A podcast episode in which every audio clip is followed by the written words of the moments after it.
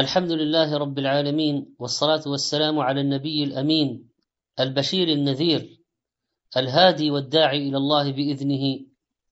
أيها الإخوة والأخوات السلام عليكم ورحمة الله وبركاته ولا زلنا مع آيات للصائمين. وهذه الآية العظيمة التي تخللت آيات الصوم.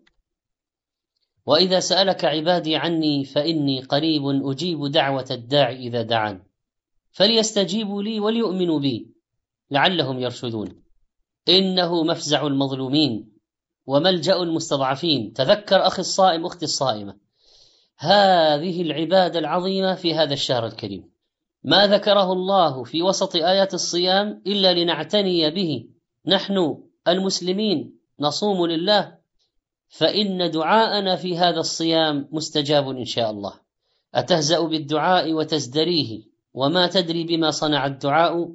سهام الليل لا تخطي ولكن لها أمد وللأمد انقضاء. أيها الإخوة والأخوات إن للدعاء شروطا عديدة لا بد من توافرها. أن يكون الداعي عالما بأن الله وحده هو القادر على الإجابة فيدعوه وحده لا شريك له. لا ولي ولا قبر ولا ميت إنه لا يتوجه إلى أحد من المخاليق لا جن ولا إنس ولا ملائكة إنه يتوجه إلى الحي الذي لا يموت. كل من عليها فان ويبقى وجه ربك. يتوسل إلى الله بأسمائه وصفاته. لا يتوسل إلى أحد من عباد الله. وقال ربكم ادعوني وليس أدعو غيري. ولذلك فإننا لابد أن نوجه هذا الدعاء إلى الواحد الديان سبحانه. وأيضا فمن ذا الذي يريد أن يجعل بينه وبين الله واسطة وهو يستطيع أن يصل إلى الله مباشرة بدعائه. ولذلك لابد أن نجرد التوحيد في هذا الدعاء. وكثير من الناس يلجأ إلى الخلق ويقول لفلان ادعو لي ولفلان ادعو لي.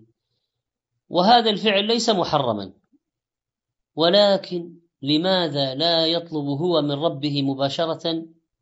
ويلجأ إلى المخلوقين يقول لهم ادعوا لي وادعوا لي. وينسى هو أن يدعو مباشرة.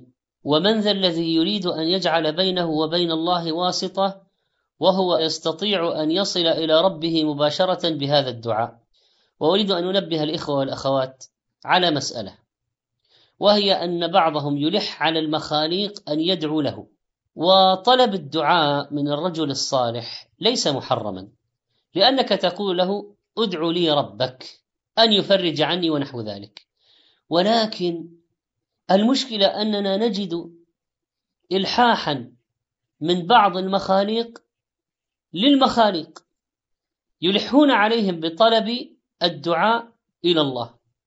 والأولى والأكمل والأحسن والأكثر توكلا على الله أن تطلب أنت منه دون أن تقول لهذا ادع لي ولا تنسى أن تدعو لي وأحرج عليك ونحو ذلك من الطلبات الكثيرة التي فيها لجوء إلى المخلوق وذل عند المخلوق وإراقة ماء الوجه. ادعو أنت مباشرة يا أخي وأنت صاحب الضرورة.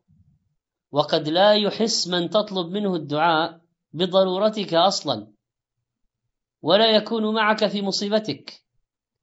ولذلك فإن صاحب الضرورة إذا طلب من الله فهو أقرب وإياك من الاستعجال في الدعاء فإنه يحرم من بركة الدعاء لأنه يوقع الإنسان في اليأس والإحباط ويقول دعوت ودعوت فلم يستجب لي. إذا أخرك الله فإنما هو لحكمة. وقد يريد منك أن تزداد في هذه العبادة وتزداد أجرا عنده. لو أعطاك الآن فورا لكففت عن الدعاء. وذهب عليك هذا الباب من أبواب الأجر وتوقفت حسناتك فيه. لكنه يؤخر إلى أجل. فتزداد دعاء وتزداد خيرا وتزداد اجرا ثم هو يعطيك عز وجل ولا بد أن يعطيك لأنه وعد. وقال ربكم ادعوني أستجب لكم. ومن أصدق من الله قيلا وقد يعطيك خيرا مما طلبت وقد يدفع عنك شرا وأنت لا تحس بذلك. ولذلك ثق بالله وأن دعاءك لا يذهب عنده هباء منثورا. ادع بالخير وحسن ظنك بربك. أحضر قلبك وطيب مطعمك وتجنب الاعتداء في دعائك. أثني على الله قبل الدعاء وصل على النبي صلى الله عليه وسلم. ولا تستعجل فتنسى هذه المقدمات لأنها في غاية الأهمية. وإذا كان منك إقرار بالذنب واعتراف بالخطيئة وتضرع وخشوع ورغبة ورهبة وجزم بالدعاء وعزم في المسألة وتكرار واستقبال القبلة ورفع اليدين وطهارة واختيار الأسماء المناسبة. يا رحمن ارحمني يا غفار اغفر لي يا رزاق ارزقني يا تواب تب علي وابتعدت عن التكلف والسجع. وهذا ما ننصح به إخواننا الأئمة في صلاة التراويح.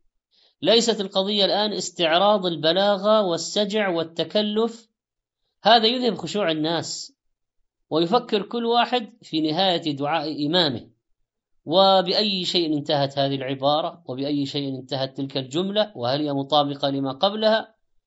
وأحيانا تكون الكلمة غير المسجوعة أبلغ في المعنى من الكلمة المسجوعة فيختار المسجوعة لأجل السجع فقط ويقدمها مع أن تلك أولى. وعندما يكون لنا ذل وخضوع بين يدي الله وانكسار وانطراح فإن هذا من أعظم الأسباب التي تجلب الإجابة. قال ابن رجب رحمه الله وقد كان بعض الخائفين يجلس بالليل ساكنا مطرقا برأسه ويمد يديه كحال السائل وهذا من أبلغ صفات الذل وإظهار المسكنة فهذا إذا فعل ذلك وانطلق لسانه بالطلب من ربه فإنه ولا شك سيكون في قربه من الله على درجة عظيمة. إن الافتقار في الدعاء والانكسار لله واستشعار شدة الحاجة وعلى قدر الحرقة والفاقة تكون الإجابة. قال الأوزاعي كان يقال أفضل الدعاء الإلحاح على الله والتضرع إليه. ومن الأسباب الجالبه لإجابة الدعاء الإخلاص لله حال الدعاء وقوة الرجاء وشدة التحري وانتظار الفرج والتوبة ورد المظالم والسلامه من الغفلة وكثرة الأعمال الصالحة. من العجيب أيها الإخوة والأخوات أننا نرى اناسا يقومون في صلاة التراويح ويصومون يصلون ويدعون ولكن ضرب هذا وشتم هذا وأكل مال هذا وأخذ حق هذا وظلم هذا وأخر هذا وهو صاحب حق وحاجة. اعتداء على الحقوق. كبر غمط للحقوق. غمط الناس جحد حقوق الناس. هذا من أسباب المنع. آليس حريا بهذا في هذا الشهر في هذه العبادة أن يتوب إلى رب مما فعل حتى يكون دعاؤه مجابا.